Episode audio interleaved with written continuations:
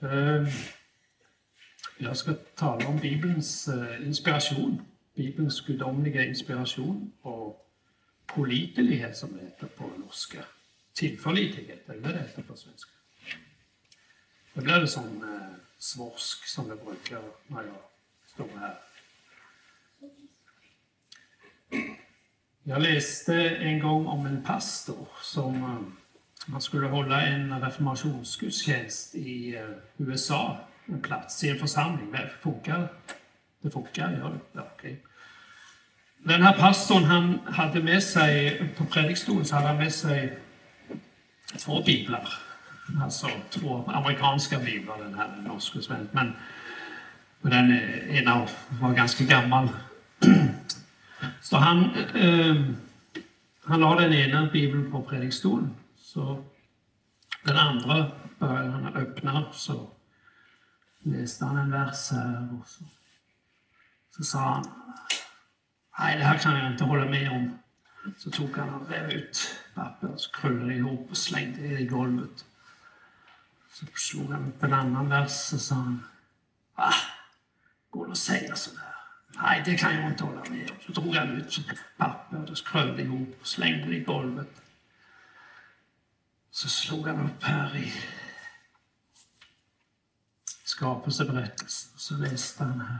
Ah, men det är ju mot all vetenskap, sa han. Så drog han ur massor, många, många sidor, kröllde ihop och slängde det i golvet.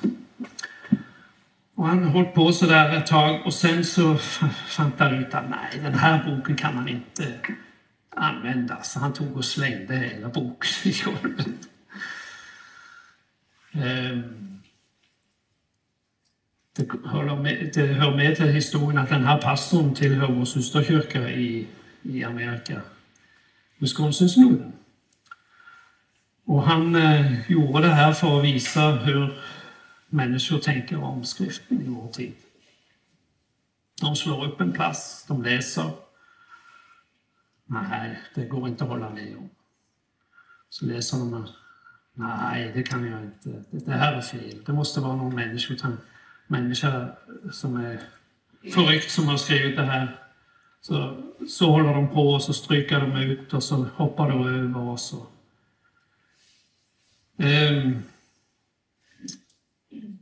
Och den här pastorn han började då att predika om det som är vårt tema, nämligen om skriftens inspiration.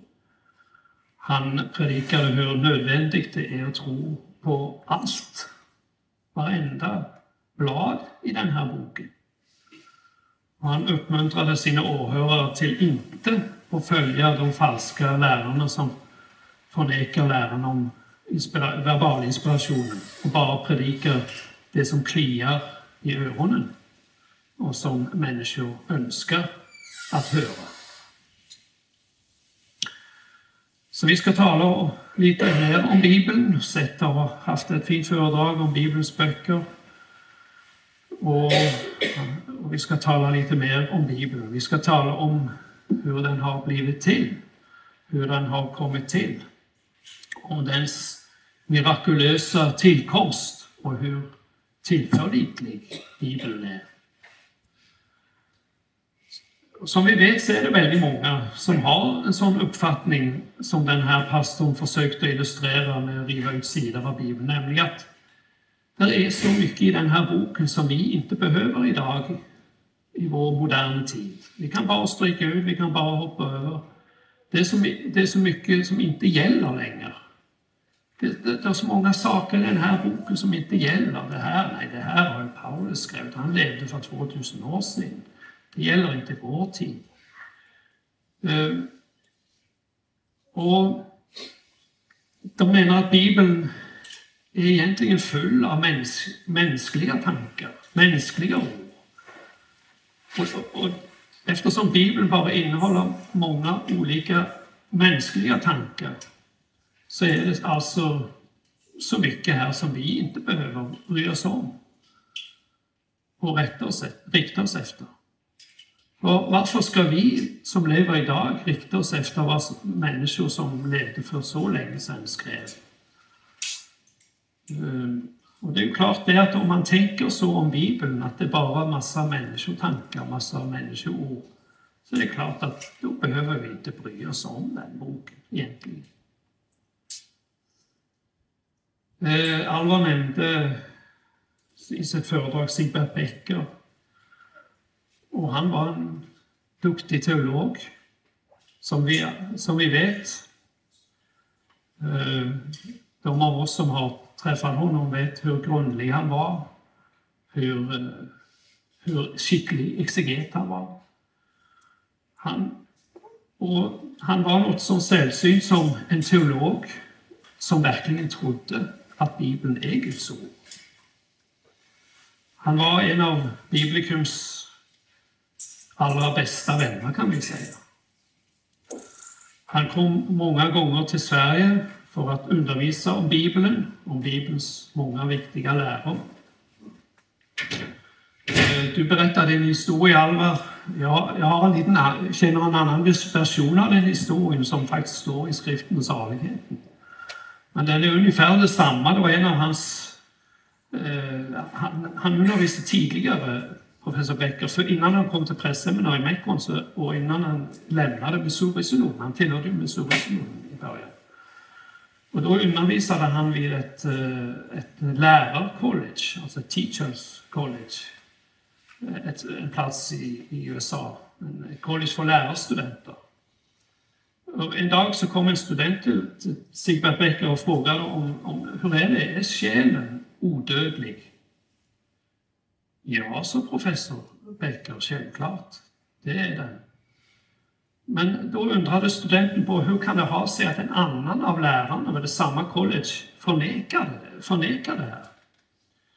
Och då svarade Becker att nej, det kan inte stämma. Han trodde ingen, ingen av lärarna vid det här colleget förnekade detta.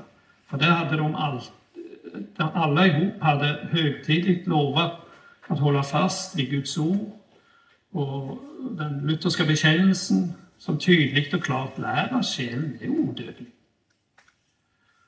Eh, dagen efter så kom en annan student till professor Becker. Han sa nöjaktigt detsamma, nämligen att den, andra, den här andra läraren förnekar själens odödlighet. Och då förstod Becker att det var på tiden att han gick till den andra läraren för att prata med honom om detta. Han tänkte att eh, den här läraren måste ha blivit missförstått av studenterna. De måste ha missförstått honom, att han omöjligt kunde förneka en så central bibelsk lära. Och som svar så sa då läraren rakt, rakt fram att nej, det var sant. Som studenterna hade sagt, han trodde inte på själens odödlighet. Han menade att det var en hednisk lära som eftertiden hade knutit till Kristus. Men, sa Becker, hur kan du då förklara Kristi ord, vär inte rädda för dem som dräper kroppen men inte kan dräpa själen? Frågade professor Becker. Ja, då svarade den andra läraren, nej det har Jesus aldrig sagt. Det är bara något som evangelisten säger att Jesus sa. Och det visade sig sen att den samma läraren hävdade att, att de avsnitt i Bibeln som handlar om Jesu jungfrufödelse, det är något som de första kristna har hittat på. Ja, ingenting av det här är säkert obekant för er, nämligen att det finns många som hävdar att Bibeln inte är Guds ord, men att den bara är ett verk av, eller ett resultat av människors tankar. De kan nog gå med på att Guds ord finns i Bibeln, men att dessa orden är blandade ihop med författarnas egna ord och egna meningar. Så frågan är då, vilka ord i Bibeln är Guds ord? Vilka är det som inte är Guds ord? Är det upp till alla och var att stryka ut och riva ut delar av Bibeln precis som det passar oss? Om till exempel två teologer har olika uppfattning om en bestämd vers är Guds ord eller inte. Den ena teologen säger jo, det här är Guds ord. Den andra teologen säger nej, det här kan inte vara Guds ord. Det här kan inte gälla vår tid och så vidare. Ja, vem ska vi då lyssna till av de två, två teologerna? Ja, vem av oss skröpliga, förgängliga och föränderliga människor är det som vågar stiga fram och säga det här kan omöjligt vara Guds, omöjligt vara Guds ord. Det kan omöjligt vara Guds ord. I ett litet barnvers så heter det, jag tror ni sjunger den i Sverige också, Jesus älskar mig, jag vet, för min bibel säger det. Har ni den i Sverige också? Jesus älskar mig, jag vet, för min bibel säger det. För min bibel säger det. Nej, det är så säkert. Att jag kan veta att Jesus älskar mig bara därför att Bibeln säger det. Kan jag i det he- överhuvudtaget veta något som helst säkert om Gud och om hans kärlek, där som det som står i Bibeln inte är hans egna ord, men bara mänsklig påhitt. I biblikum så är vi övertygade om att Bibeln är Guds eget ord till oss. Jag som står här är övertygad om att i Bibeln inte bara finns Guds ord, men Bibeln är Guds ord i alla stycken. Men hur kan jag vara övertygad om det? Är det bara något, något som jag har bestämt mig för att tro? Är det bara en övertygelse som jag har bestämt mig för att ha? Nej, jag tror att Bibelns, eh, Bibelns ord är Guds ord därför att detta är något som Bibeln själv gör krav på. Bibeln själv vittnar om, det, om detta. Alltså, om jag vill veta vart ett, en människa kommer ifrån så måste jag fråga honom själv. Jag, jag, har, jag har ju mött eh, några nya människor här idag. Och jag vet inte vart de kom ifrån, så jag måste fråga var kommer ni ifrån?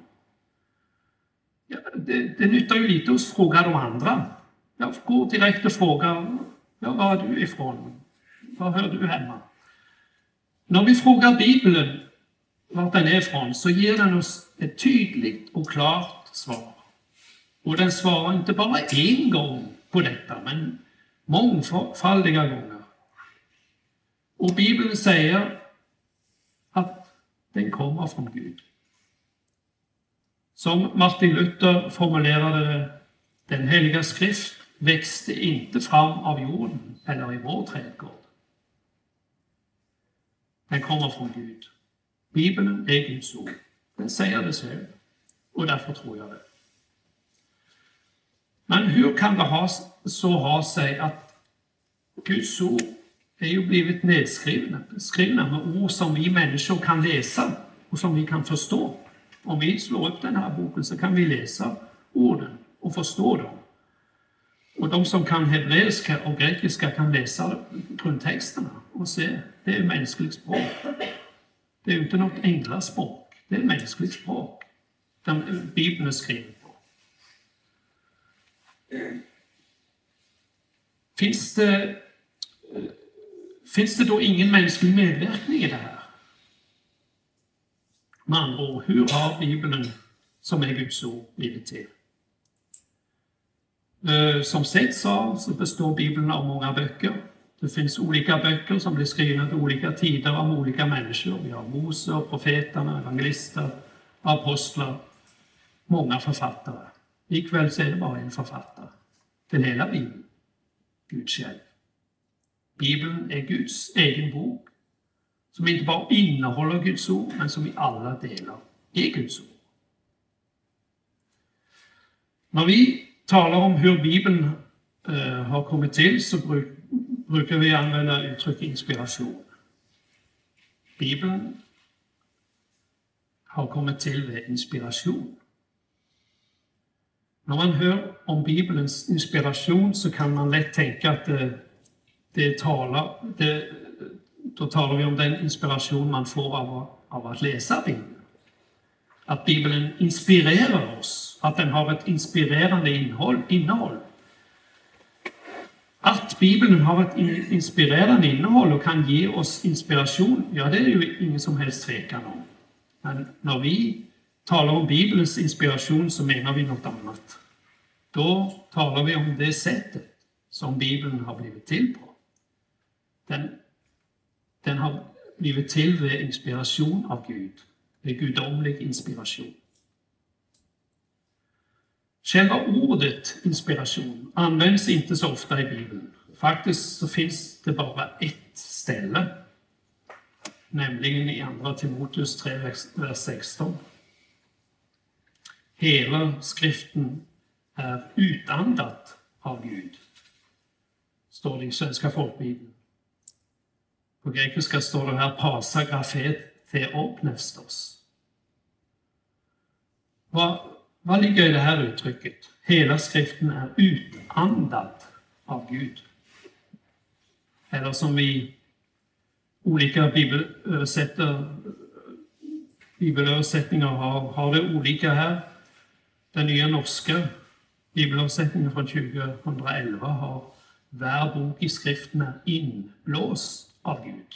Det är väl en ganska direkt översättning av det latinska ordet inspiration, inspiration, inblåst. Men svenska folkbibeln alltså har utandat. Men vi förstår att det kommer ifrån Gud. Det är han som har blåst ut, så att säga, Bibeln. De tre orden inspirerat av Gud, det är en översättning av det ett grekiskt ord, nämligen theopnefstos, som är satt av, av theos, Gud, nefstos. Om, om vi översätter det här ordet direkt så blir det Gud andat eller Gud utandat. Hela Bibeln utandat. Hela skriften har blivit tillvärt Gud på många olika sätt, på sätt som vi inte förstår, la orden i författarnas tanke, som så i sin tur skrev ner dessa ord i nöjaktig den form, eller med nöjaktig de orden som Gud ville att de skulle skrivas ner. Resultatet av detta blev att alla troende kan säga utan att tveka att alla orden i Bibeln är Guds ord. Men hur kan vi veta att det var så det gick till? Låt oss tala lite om det. Gud använde mäns mänskliga tungor och mänskliga läppar till att tala sina ord. Han använde mänskliga händer till att skriva ner sina ord. Skriftens ord är Guds ord. Det är ord som han har talat, det är ord som har utgått av hans mun. Men han använder människor som instrument, som sina verktyg. verktyg. Så säger Herren, sa profeterna när de, för, när de predikade. Så säger Herren. Och så predikade de Herrens budskap. Det budskap de hade fått från honom. Och Jesus sa då han blev frestad av djävulen i öknen, människan lever inte av bröd alena, men av vart ord som kommer från Guds mun. Som kommer från Guds mun. Vilka ord är det Jesus talar om här? Vilka ord kan det vara Jesus talar om här? Vilka ord är det som kommer från Guds mun och som vi lever av? Som vi inte kan klara oss utan. Vilka ord är det? Ja, det kan inte vara några andra ord än skriftens ord. För var skulle vi annars hitta då, de här så livsviktiga orden? De orden som är så nödvändiga för oss människor att vi inte kan leva utan dem. Och de kommer alltså från Guds mun. Likväl blev de burit fram av människor. Gud använde mänskliga instrumenter, mänskliga verktyg. Människorna var utvald av Gud till den mycket speciella uppgiften att predika och skriva ner hans ord. Orden blev lagt i deras mun och deras händer med den heliga Ande. Ett sted säger Jesus David själv har ju sagt vid den heliga on, heliga Ande, Herren sa till min Herre. Står i Markus 12. När alltså David enligt Jesus sa detta, som ju är citat, som ni vet, av psalm 110, så sa David att det, han sa detta driv, driven av den heliga Ande, säger Jesus. Han var driven av den, av den heliga Ande när han sa detta i psalm 110. Jesus säger att han var driven av den heliga Ande. Davids ord var, det, var det, de samma som den heliga Andes ord. Vi finner precis detsamma i Apostlagärningarna 1, kapitel 1, vers 16, där Peter, Peter säger det måtte gå i uppfyllelse det skriftord som den heliga Ande låt David säga om Judas. Eller som det också kan översättas som den helige Ande talade genom David om Judas. Den helige Ande talade genom David om Judas. Och så hänvisar aposteln Peter till psalm 41, Psaltaren. Han säger alltså att David, den helige Ande talade genom David dessa ord i Psaltaren 41. På samma sätt blir profeternas ord och berättelserna från det gamla testamentet citerat som Guds ord. Vi kan till exempel gå till Matteus 1. Eh, I eh, första kapitlet hos Matteus, vers 22 och 23.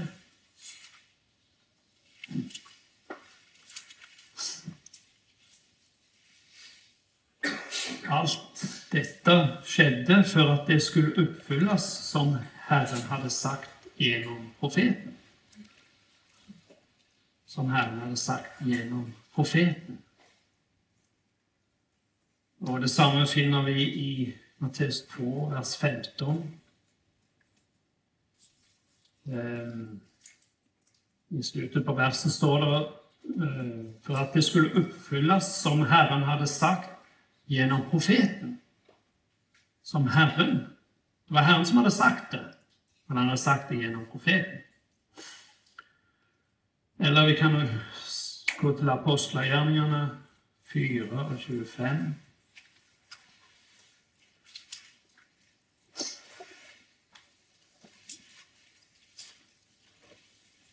Du har sagt genom den heliga Ande som talade genom vår fader David din tjänare. Så kommer citatet då efteråt från Gamla Testamentet. Men alltså, du har sagt genom den heliga Ande, du Gud, har sagt genom den heliga Ande som talade genom vår fader David, din tjänare.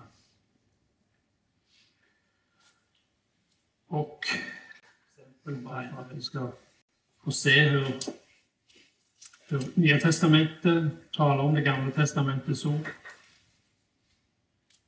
Eh, sista kapitlet i Apostlagärningarna, kapitel 28, står det i 25 versen.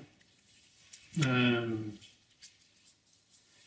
den heliga Ande talade rätt genom profeten Jesaja till era fäder. Den heliga Ande talade rätt genom profeten Jesaja. Om vi går till Hebreerbrevet, det första kapitel och första vers sammanfattas det här på det viset. Sedan Gud i forna tider många gånger och på många sätt hade talat till fäderna genom profeterna. Gud hade talat till fäderna genom profeterna. Med andra ord, eh, orden, orden är Guds ord. Det är den helige Andes ord. Det är han som har talat dem. Men han har talat dem genom människor, genom David, genom profeterna, genom Jesaja och så vidare. Han har använt mänskliga instrumenter. Ja, i Hebreerbrevet 3.7 så eh, ser vi något mycket intressant, för där står det, där nämner han till inte det, det mänskliga instrumentet. Han säger bara rakt fram, därför säger den helige Ande, kolon, så kommer citatet från Gamla testamentet. Därför säger den helige Ande. Står det inget vilken profet han talade genom. Det var bara den helige Ande som säger det här. Citatet är från, från Andra Mosebok 17, vers 20. Så att, att Bibeln har, har blivit till vid inspiration av Gud, det vittnar inte minst Petrus om i Andra Petri kapitel 1, vers 21.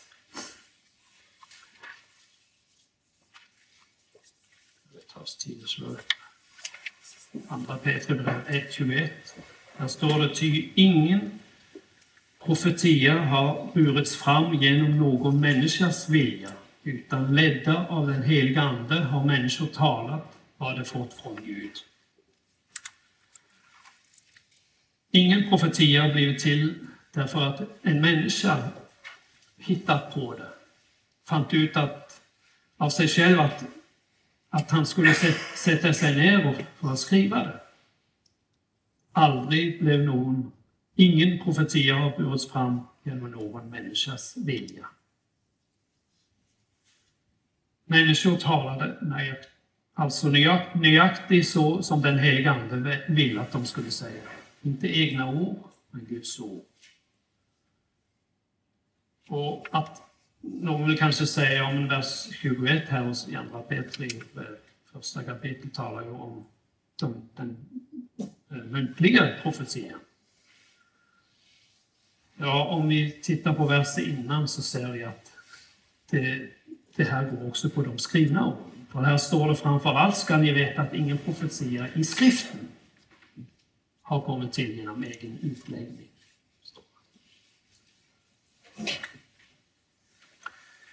Ja, när det gäller detta ställe och de andra som vi har citerat så är det klart att de först och främst vittnar om det gamla testamentet. Att det gamla testamentet har blivit till vid inspiration, att det gamla testamentets ord är Guds ord. Vad som är det nya testamentet? Det är också det nya testamentet i ett och allt Guds ord till oss människor.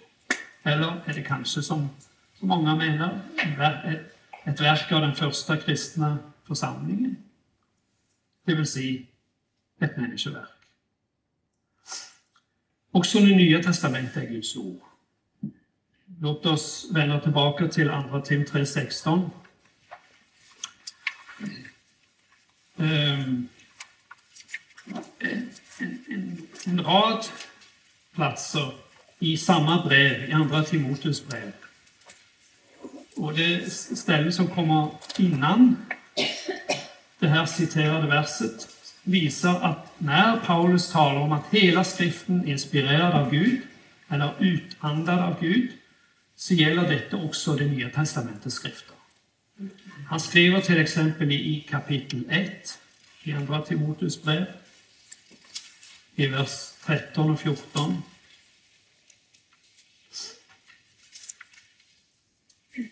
Som mönster för en sund förkunnelse skall du ha det ord som du har hört av mig, i tro och kärlek i Kristus Jesus. Bevara genom den helige Ande som bor i oss det goda som har blivit anförtrott åt dig. Och i andra kapitel, vers 2. Och det som du har hört av mig, skriver Paulus till Timoteus, Inför många vittnen skall du anförtro åt pålitliga människor som i sin tur ska bli utrustade att undervisa andra. Alltså det ordet som han hade hört av Paulus, det skulle han föra vidare. Och om vi så går till de verserna som kommer lika för eh, vers 16, alltså kapitel 3, vers 16, nämligen vers 14 och 15 i det tredje kapitlet, så läser vi där men håll fast vid det som du har lärt dig och blivit överbevisad om. Du vet av vilka du har lärt det och du känner från barndomen de heliga skrifterna som kan göra dig vis så att du blir frälst genom tron i Kristus Jesus. Först talar alltså Paulus om det han själv talade och undervisade Timoteus om och säger att han måste hålla fast vid det och ge det vidare till, till andra. Och därefter talar han om alla de heliga skrifterna. Om nu Paulus inte menade att placera sin egen undervisning av Timoteus på samma nivå som det Timoteus hade lärt av de heliga skrifterna, av det gamla testamentet, ja, så är det ju jättesvårt att förstå hur han kan skriva, hur han kan tala som han, gör, som han gjorde. Det var lika viktigt för Timoteus att hålla fast vid det Paulus hade talat till honom och undervisade honom om, som att hålla fast vid de heliga skrifterna. Det var lika viktigt. Och detsamma gäller eh, stället ställe i andra Petribrev som vi citerade ovanför. I det första kapitlet berättar Petrus om hur han har varit ett ögonvittne till Kristi liv. Och han säger ska vi se. I vers 16 så säger han ehm, det var inte några utstuderade myter vi följde när vi förkunnade för er vår Herre Jesu Kristi makt och hans ankomst, utan vi var ögonvittnen till Jesu Majestät. Det var inte utstuderade myter vi följde. Vi var ögonvittnen, säger han. Han berättar för sina läsare att det här är något som han vill påminna dem om så länge han lever. I vers 13. Jag ser det som en plikt att väcka er genom mina påminnelser så länge jag bor i detta tält, säger han. Och han vill sörja för att de inte glömmer det själv efter att han har gått bort. I vers 15. Men jag vill göra det jag kan för att ni också efter min bortgång alltid ska kunna minnas detta. Så det här kan bara betyda att Peter har till hänsikt att efter, lämna, lämna efter sig något, av, något som är nedskrivet och som kan tala för sig själva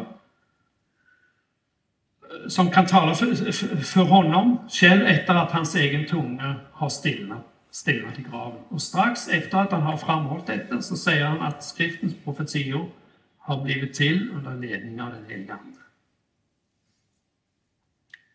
I det andra kapitlet så fortsätter Petrus med att varna sina läsare om de, eh, mot de falska lärarna som ska komma in i kyrkan. Och i det tredje kapitlet så, så börjar han med de här orden. Detta är redan det andra brevet som jag skriver till er, mina älskade. I båda har jag genom mina påminnelser velat väcka ert rena sinne så att ni tänker på vad som har blivit förutsagt av de heliga profeterna och på budskapet från Herren och Frälsaren som ni hört era apostlar förkunna. Så här placerar alltså Petrus det bud apostlarna hade från Herren på samma nivå som det de heliga profeterna hade sagt. Och om vi går till vers 15 i tredje kapitlet så eh, och, och vers 15 och 16 så ser vi att Petrus till och med placerar Paulus sina brev i samma klass som de heliga skrifterna. Han säger där eh, så har också vår älskade broder Paulus skrivit till er enligt den vishet som han fått. Och så gör han i alla sina brev när han talar om detta. I dessa brev finns en del som är svårt att förstå och som okunniga och obefästa människor förvränger till sitt eget fördärv, något som också sker med de övriga skrifterna.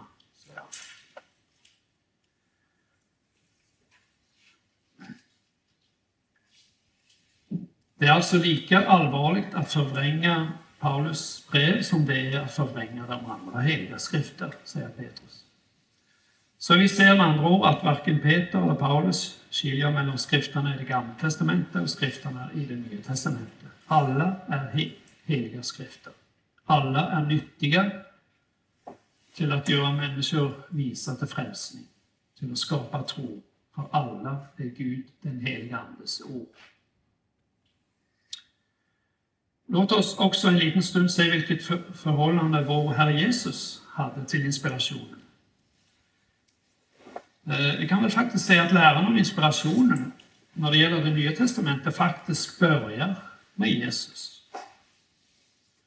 Eh, nu är det nog många som vill motsäga detta och säga att eh, men Jesus skrev ju inget. Och det är, det är riktigt.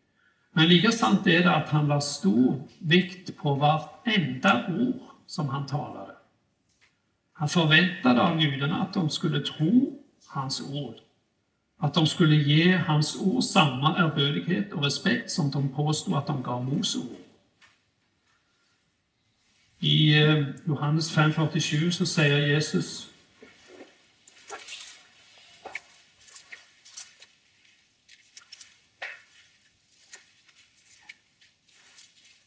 Men tror ni inte hans skrifter, alltså Moses skrifter? Hur ska ni då kunna tro mina ord? Säger han. Och han sa att vi att förkasta hans förkunnelse så nekade de därmed att lyssna till Guds ord. I 8.47, Johannes 8.47 så säger han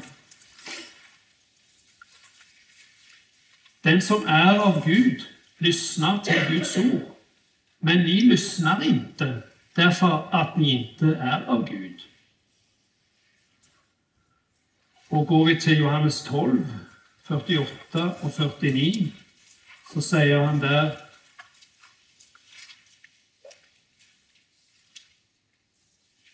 Den som förkastar mig och inte tar emot mina ord, han har en domare över sig. Det ord som jag har talat skall döma honom på den yttersta dagen. Ty jag har inte talat av mig själv, utan Fadern som har sänt mig har befallt mig vad jag ska säga och tala. Så det Jesus påstår om sina egna ord är mycket speciellt. Han sa till sina lärjungar att de orden som han hade talat till dem, de var ande liv. Orden var ande och liv. Orden var alltså inte bara så att de gav eller förmedlade liv, men de var liv i sig själva. Han sa att om de ville förbli i hans ord, så då var de verkligen hans lärjungar. I 8, kapitel 8, vers 31 och 32 hos Johannes säger han, Jesus sa till de judar som hade satt tro till honom, om ni förblir i mitt ord är ni verkligen mina lärjungar. Och ni ska förstå sanningen och sanningen ska göra er fria. Om ni förblir i mitt ord, säger han. Han sa att orden som han talade, som han förkunnade, kom från hans himmelske fader. Johannes 14, vers 10. Tror du inte att jag är i Fadern och att Fadern är i mig? Det ord som jag talar till er talar jag inte av mig själv. Fadern förblir i mig och gärningarna är hans verk.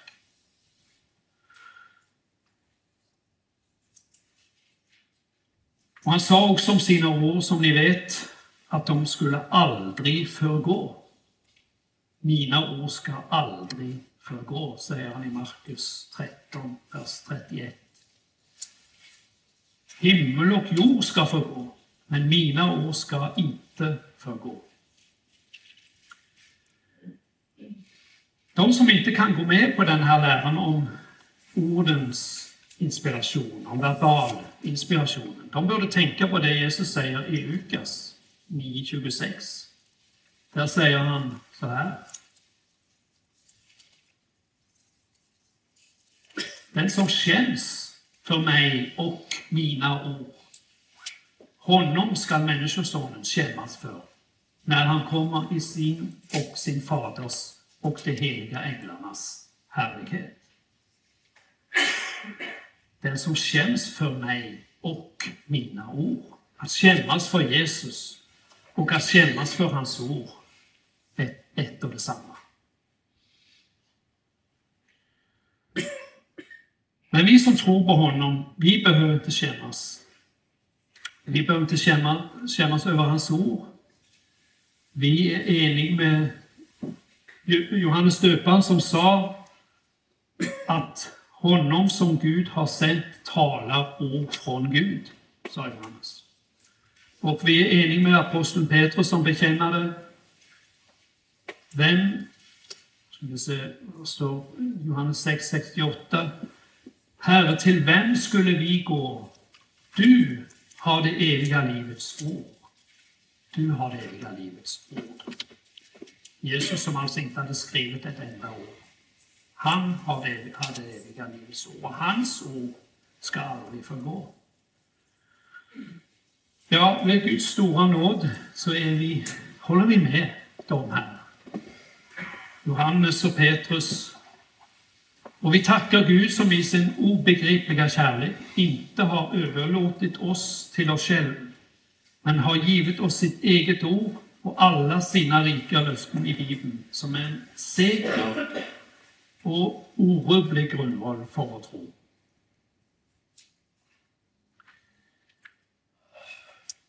Hur har så inspirationen gått till? Vi sa tidigare att Gud använder människor till att förkunna sitt ord. Han använde människor som sina verktyg. Den heliga Ande drev människor till att skri skriva det de skrev.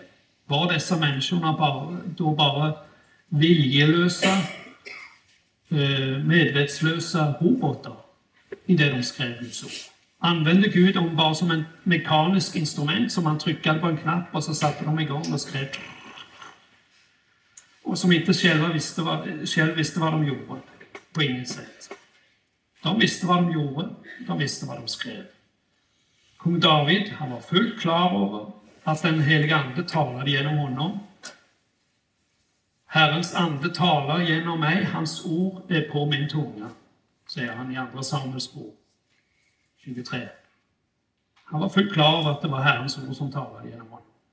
Och Paulus, han var vid full bevissthet han var fullt medveten om att då han skrev sin, sina brev till församlingarna alltså, alltså var, han, var, han, var han helt med i sin tanke. Han säger i, till slut i Andra Thessalonikerbrev um,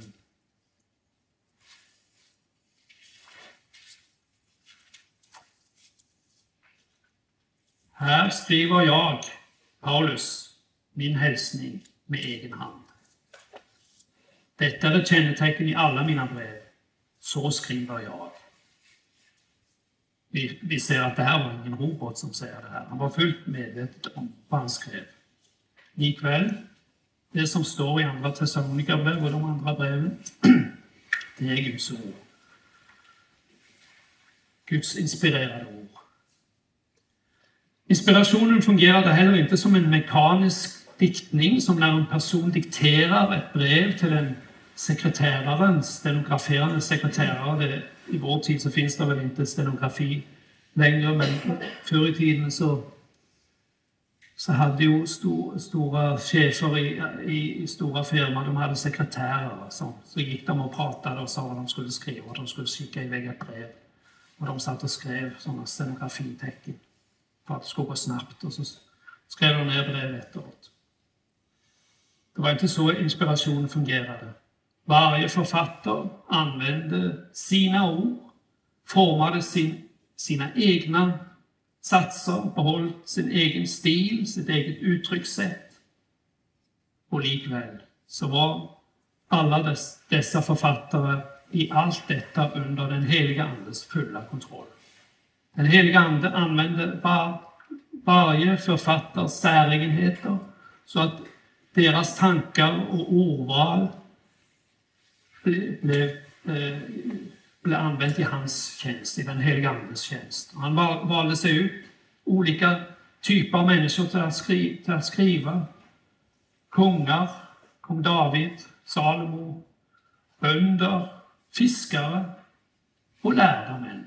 Som till exempel Lukas, läkare.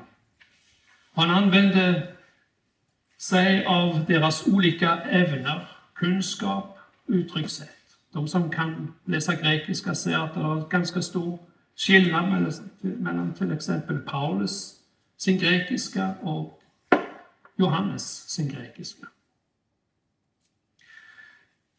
Inspirationen är en djup hemlighet.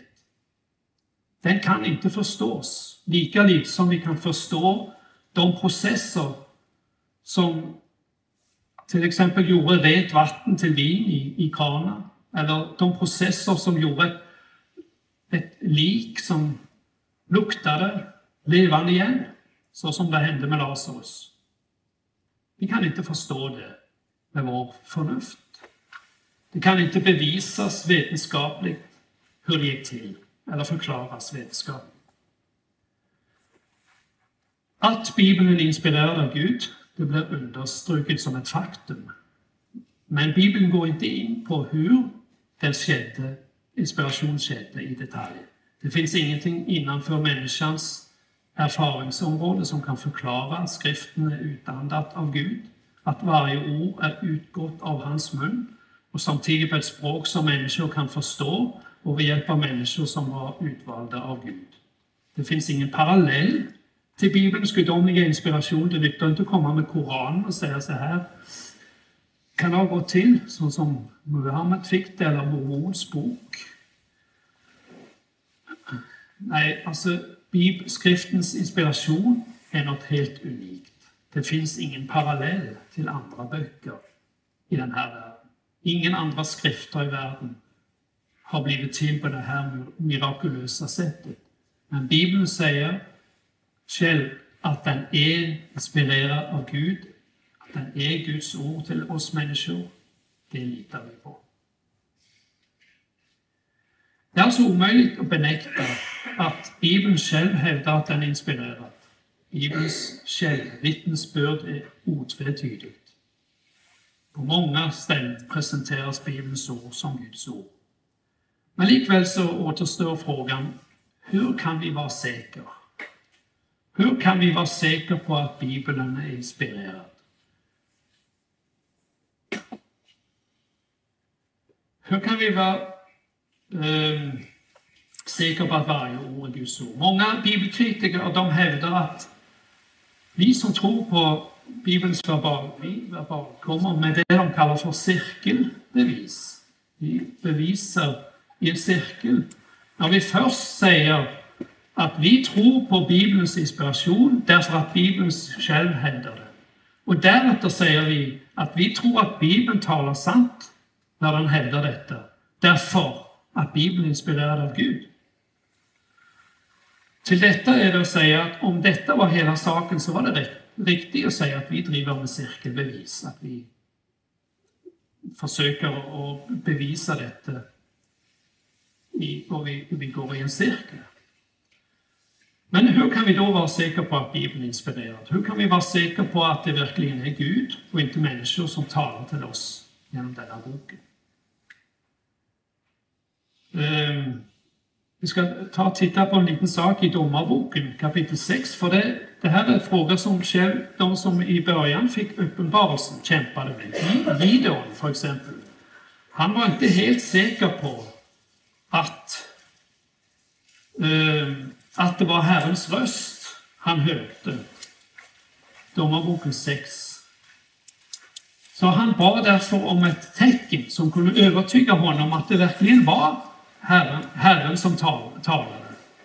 I vers 17 så säger han Om jag har funnit nåd för dina ögon, så låt mig få ett tecken att det är du som talar med mig. Och då han så fick tecknet så accepterade han att det var Herrens röst han hörde. Men bara några få dagar senare så bad han igen om ett tecken. Ja, han bad faktiskt om två tecken denna gång som ett bevis för att uppenbarelsen var, var sanning. Det kan ni läsa om eh, senare i Domarboken 6. Och av det som sen hände och som vi kan läsa om i, dom, i kapitel 7 i Domarboken så ser vi att Gideon till slut blev övertygad att det var Herrens röst som talade. Men vi ser alltså, han kämpade. Var det verkligen, är det verkligen du som talar till mig, Herre? Om Gud verkligen talar till oss i den här boken, så är detta en fråga vi också vill komma till att måste kämpa med. Ingen av oss går fri tvil och anfäktelse. Men om människor säger att vår, våra argument för Bibelns gudomliga inspiration inte håller måttet för det vi argumenterar ovetenskapligt, så glömmer de en mycket viktig faktor i hela denna processen. En mycket viktig faktor. För vår övertygelse om att Bibeln är inspirerad av Gud ord för ord, det är inte något som vi har kommit fram till vid att, vid att företa vissa logiska slut, slutsatser. Vår övertygelse om detta är närt förknippad med vår tro. En tro som den heliga Ande har skapat i oss. För låt oss en liten stund nu till slut tänka över vad är det Bibeln berättar för oss? Vad har Bibeln berättat för oss? Vad har den sagt om oss själv?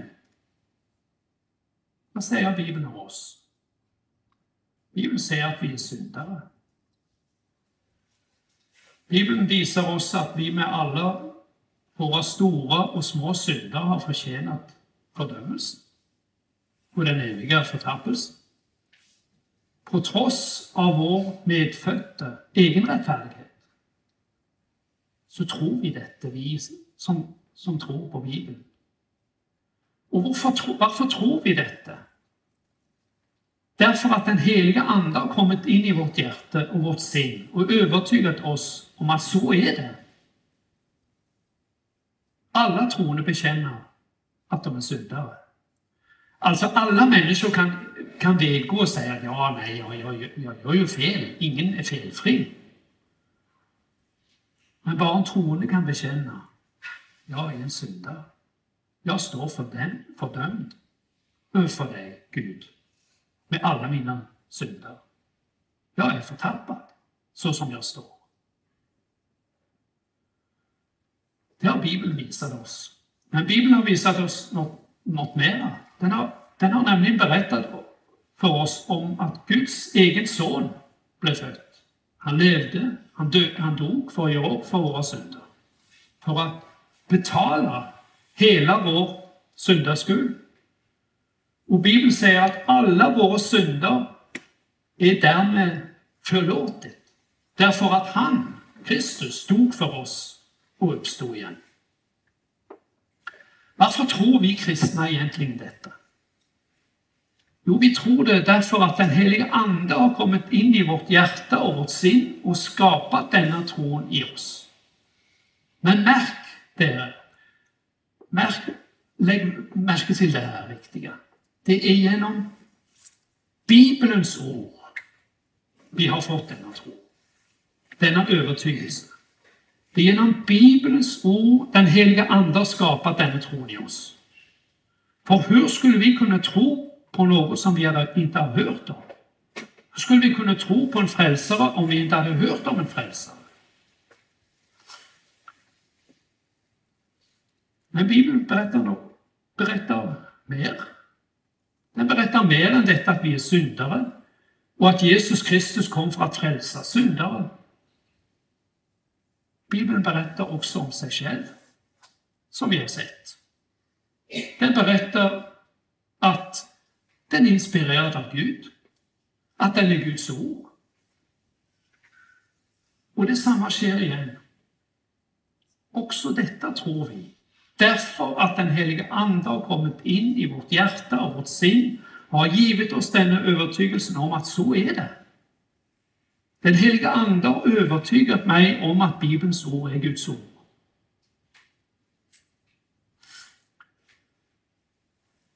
Tron på Bibelns inspiration, gudomliga och verbala inspiration, det vill säga tron på att varje ord i Bibeln är inspirerad av Gud, är allerede innbefattet i vår tro på Kristus. Ja, den är egentligen ett resultat av vår tro på Herren Jesus, på hans soningsverk för våra synder. När du och jag får se att vi för Kristus skull är förlåtet alla våra synder, så tar vi emot det här budskapet med glädje. Det här evangeliet som har berättat detta för oss. Och vi, vi tar emot och accepterar det som något mycket, mycket mer än bara mänskliga spekulationer eller som en konstruktion av den första kristna kyrkan. Det vi vet, att evangeliet det kommer från Gud själv. Det är ett budskap från Gud själv direkt till oss, till mig, till dig. Det är inte säkert att vi alltid är lika bevisst vår tro på Bibelns inspiration, att vi alltid är lika starka i den här tron, På samma sätt som vi inte alltid är lika starka i vår tro på frälsaren. Det händer ofta, som vi vet att så gott alla ihop, att vi tvivlar. Men själv om vi tvivlar och vår tro är svag, så klamrar vi oss till evangeliet. Att det är Guds eget budskap till oss, att våra synder är förlåtet för Kristi skull, Därför att Bibeln säger det. Ja, för vad är det egentligen vi klingar oss till, vi klamrar oss till i nödstider? I tider av tvivel og anfektelse? Vel, Vad har vi att hålla oss till den dagen vi ligger och ska dö? Är det inte de tröstrika löftena i Bibeln som då kan hjälpa oss? Vad om vi skulle leva i en konstant osäkerhet och ovisshet om det verkligen var Guds ord, det här eller om det egentligen bara är mänskliga tankar och ord vi håller oss till. Så med andra ord, den samma bibel som har övertygat mig om att jag är en för, förtappad och fördömd syndare innehåller också den lagen som har givit mig denna kunskapen om min synd. Och Bibeln förtäller mig att denna lagen är Guds lag, uppenbarad av Gud, predikad med ord som kom från Gud. Och vid Guds nåd så accepterar jag detta. Och vidare, den samma Bibel som övertygat mig om att Herren Jesus är min frälsare, att hans blod rensar mig för all synd, förtäller mig också att detta evangelium är en uppenbarelse från Gud, predikad av människor som blivit drivna av den helige Ande och skrivit ner med ord som Anden lärde dem. Och igen, med Guds nåd tror jag också detta. Och när den samma Bibel så går vidare och säger hela skriften inspirerad av Gud, eller hela skriften är utandad av Gud, så tror jag också detta med Guds nåd. Nu ska jag snart sluta. Vi blir ofta mött med påstående om att en kristen tro måste vara en tro på en person, inte på en bok. Vi måste tro på Kristus, inte på boken, inte på bokstäver. Och det är ju för sig riktigt. Den frälsande tron är tron på Jesus Kristus och hans ställföreträdande gärning för alla människor. Kristen tro, det är, att tro, det är att tro att Gud vill frälsa oss för Jesu Kristi skull. Men detta är något jag inte kan tro utan att Gud först har lovat mig det. Jag tror att Gud vill frälsa mig för det han har lovat att han vill göra det. Tro hänger alltså olösligt tillsammans med Guds löfte. Jag har ingen rätt till att tro att Gud vill göra något med mig som han inte har sagt han vill göra. Om jag tror att Gud vill frälsa mig så måste jag kunna vara i stand till att peka på ett löfte var Gud säger att han vill frälsa mig. Eller annars är det en tro ute i lösa luften. Men var finner jag Guds ord? Var finner jag dem? Bara ett ställe, nämligen i Bibeln. Var skulle jag annars finna Guds löfte? I naturen, i stjärnorna, i, vårt eget, i mitt eget hjärta, i min egen förnuft, i mina känslor. Nej, bara ett ställe finner jag Guds löfte om tillgivelse och nåd i Bibeln, i de heliga skrifterna. Om Bibeln inte är Guds ord, eller om det är osäkert vilka ord i den boken som, inte, som är Guds ord och vilka som inte är det, då bygger jag min tro på sandgrund. Då står jag inte på klippan. Då har jag verkligen en osäker grund för min tro. Men Bibeln är Guds ord. Därför kan vi lita fullt och fast på den. Vi litar på alla Guds löften i Bibeln, därför att de är Guds ord till oss. Amen.